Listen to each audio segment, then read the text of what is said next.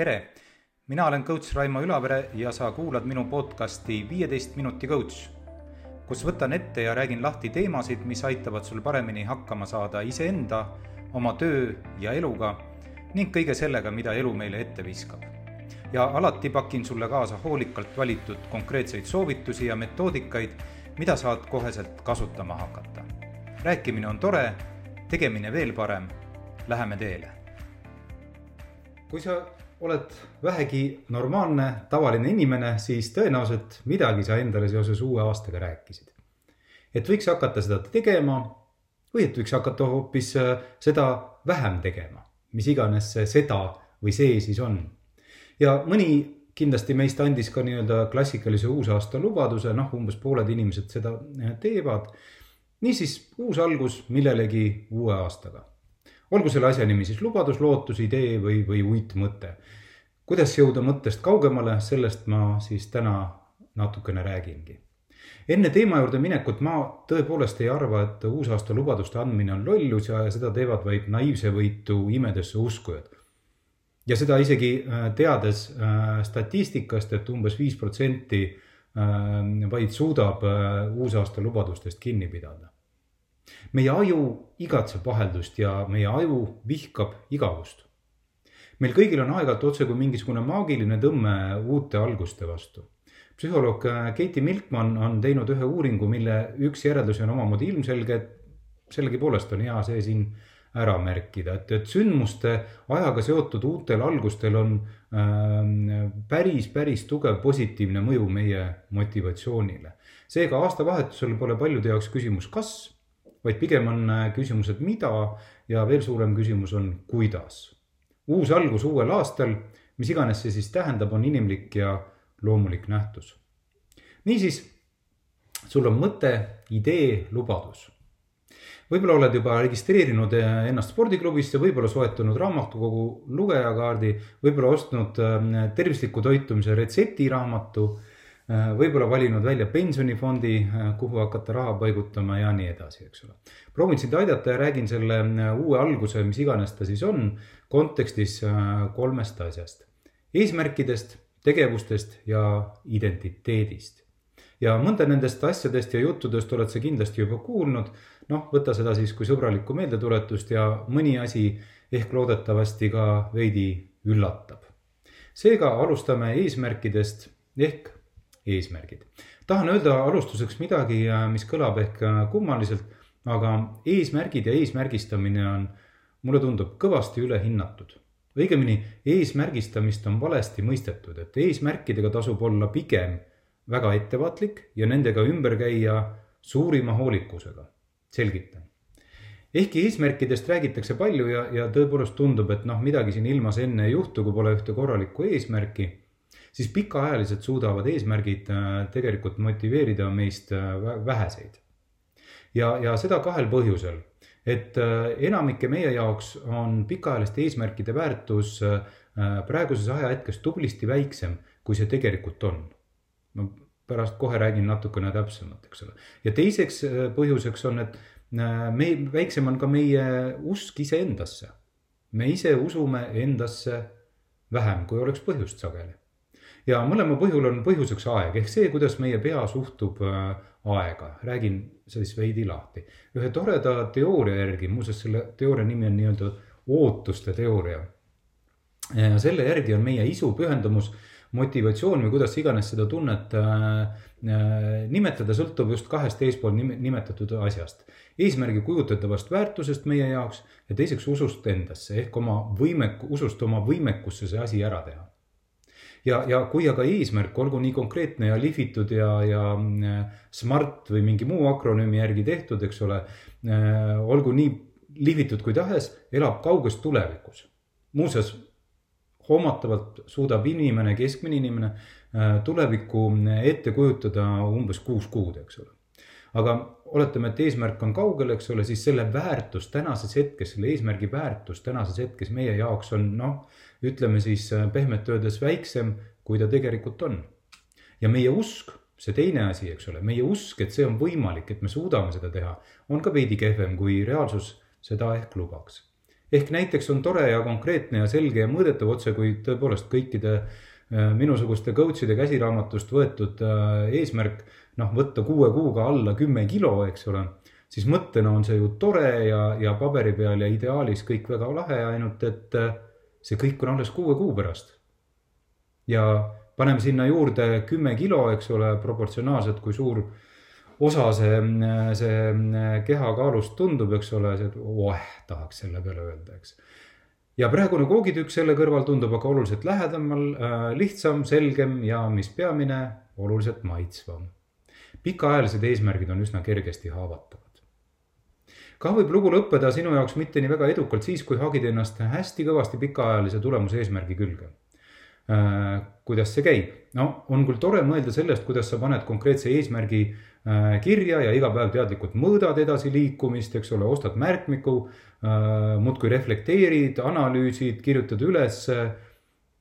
aga sellel on ka pahupool, mis võib bumerangina üsna peatselt sulle põmdi vastu nina põrutada. esiteks nõuab kõik see analüüsimine, reflekteerimine, planeerimine erakordselt palju energiat, see, see nõuab äh, lihtsalt öeldes vaimset pingutust kohati isegi rohkem kui selle konkreetse tegevuse enda tegemine, aga noh, eks ole, treenime ja harjutame ja, ja vähemalt osad saavad ehk meist sellega hakkama.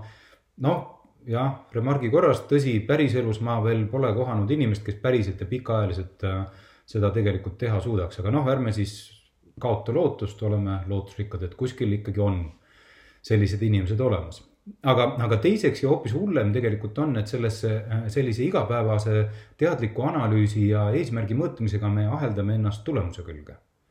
meil on piltlikult öeldes äh, see kümme kilo pidevalt silme ees ja see on enam-vähem äh, kindel tee tagasilöögini sest mis iganes sa uut ette võtad, tõepoolest, mis iganes uut sa ette võtad, siis tõenäoliselt tuleb sul läbi käia niinimetatud äh, pettumuste orust. ja, ja pettumuste org on see koht, kus sa tunned, et oled juba kõvasti pingutanud, kõvasti panustanud aega, äh, energiat, äh, mis iganes, eks ole.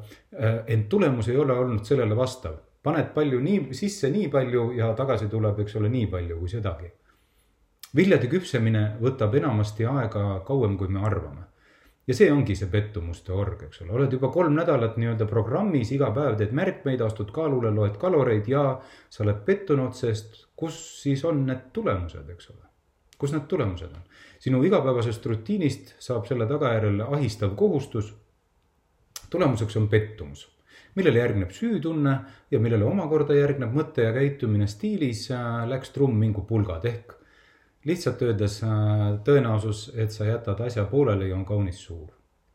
eesmärkide kontekstis veel üks lisandus, sa võid küll olla ka oma sööstus edukas ehk tehagi ära see, mis on, eks ole, eesmärk kümme kilo, mis iganes see on. ent kui sa oled keskendunud liialt konkreetsele eesmärgile, siis sa ei muuda tegelikult elustiili. mis tähendab seda, et kui eesmärk täidetud, siis on tagasilanguse risk päris suur. võtad kümme kilo alla küll, super värk, eks ole, kümme kilo kergem et siis saabub, seda kutsutakse dopamiinipuhmakas äh,. jaht on lõppenud, saak on käes, mis nüüd edasi saab?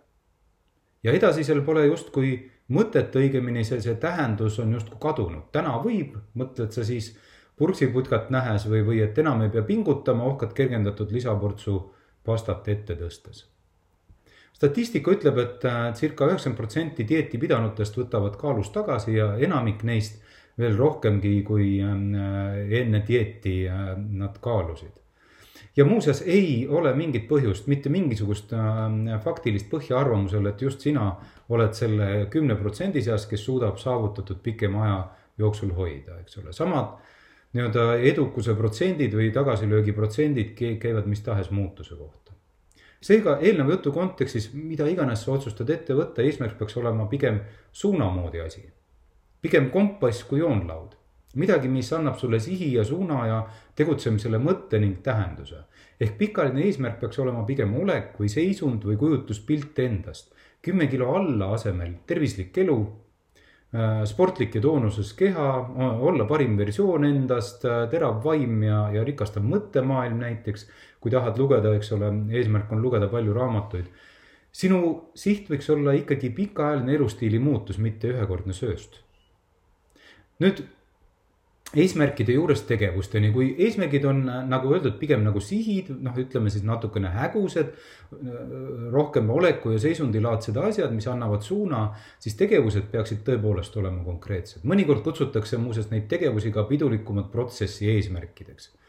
ent sisuliselt on need tegevused, mida teha iga päev, iga päev, iga nädal, et sihi poole liikuda ja kui sa tahad tervislikumat elu, toituda tervislikumalt, siis mis on see üks tegevus, mida sa iga päev teed?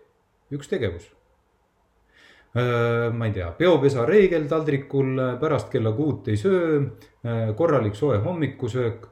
muuseas, siinkohal meenub mulle üks tore uuring, mis ütles midagi sellist, et inimesed söövad vähem, kui taldrik on väiksem, nii et saab ka natuke nügida enda elustiili terv-, sinna parema suuna poole, eks ole aga veel kord, kalorite mõõtmine ja pidev kaalul käimine ei saa olla piga, pikaajaliselt ju elustiili osa. Äh, tegevuste osas on ehk paar olulisemat tingimust, vastupidiselt ehk suurele ja, ja pikaajalise sihile peaks tegevus olema pigem väike, pigem väike, kordan. ja seda eelkõige ajaliselt ning teiseks, see peaks võimalusel sobituma juba olemasolevasse rütmi. Äh, radikaalsed muutused suurendavad pooleli jätmise tõenäosust kui tahad hakata trennis käima, noh, tüüpiline näide, eks ole, mida tehakse uusaastal. siis äh, kaks või kolm korda nädalas on väga-väga hea äh, nii-öelda tegutsemise plaan mitte seitse korda nädalas ja ma ei tea, kümnetunnine nädal, kümnetunnine treeningplaan, äh, nädala treeningplaan, eks ole. ja otsi, ma ei tea, klubi, kus sa käima hakkad töö ja kodu teekonna vahepealt, mitte linna teisest otsast kui tahad äh, tervislikult toituda, siis ära upu keerulistesse retseptidesse, need saavad sul varsti otsa. nagu saab otsa ka sinu isu iga päev köögis tundide viisi mässata. selle asemel leia kaks-kolm lihtsat menüüd, mis sobilis, sobiksid äh, ehk osaliselt ka sellega, mida sa juba ja, ja, ja kuidas sa juba sööd. väikesed, aga kindlad muutused, rutiinid. ja võlusõna on siin äh, nagu ikka, on lihtsus ehk kuidas oleks seda lihtsam teha ja harjumus või miks, sest harjumuse teki, tekkimise tunnuseks on pingutuse vähesus. inimene on nagu voolav vesi, läheb sealt, kus on kergem, eks ole.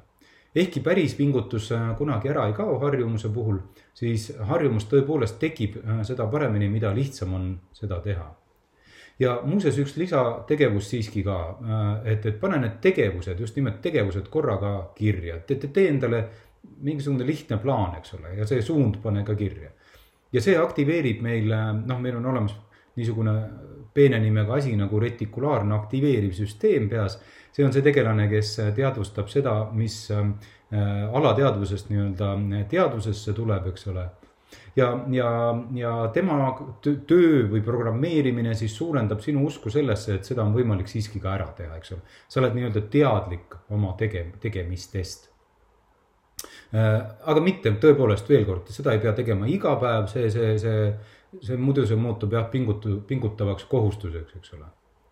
ja, ja küll aga see nii-öelda kirjapanek ja kuskil kuklas ta tiksub, on üks isu hoidmise võtmekomponente, eks ole, see kasvatab usku ning veel, kui tahad olla kirglik ja meil räägitakse, eks ole, kirega tegemisest, siis noh, e-, esiteks see kirega tegemine ei ole või kire, kirglik eesmärkide suhtes ei ole väga mõistlik äh, hoiak, eks ole.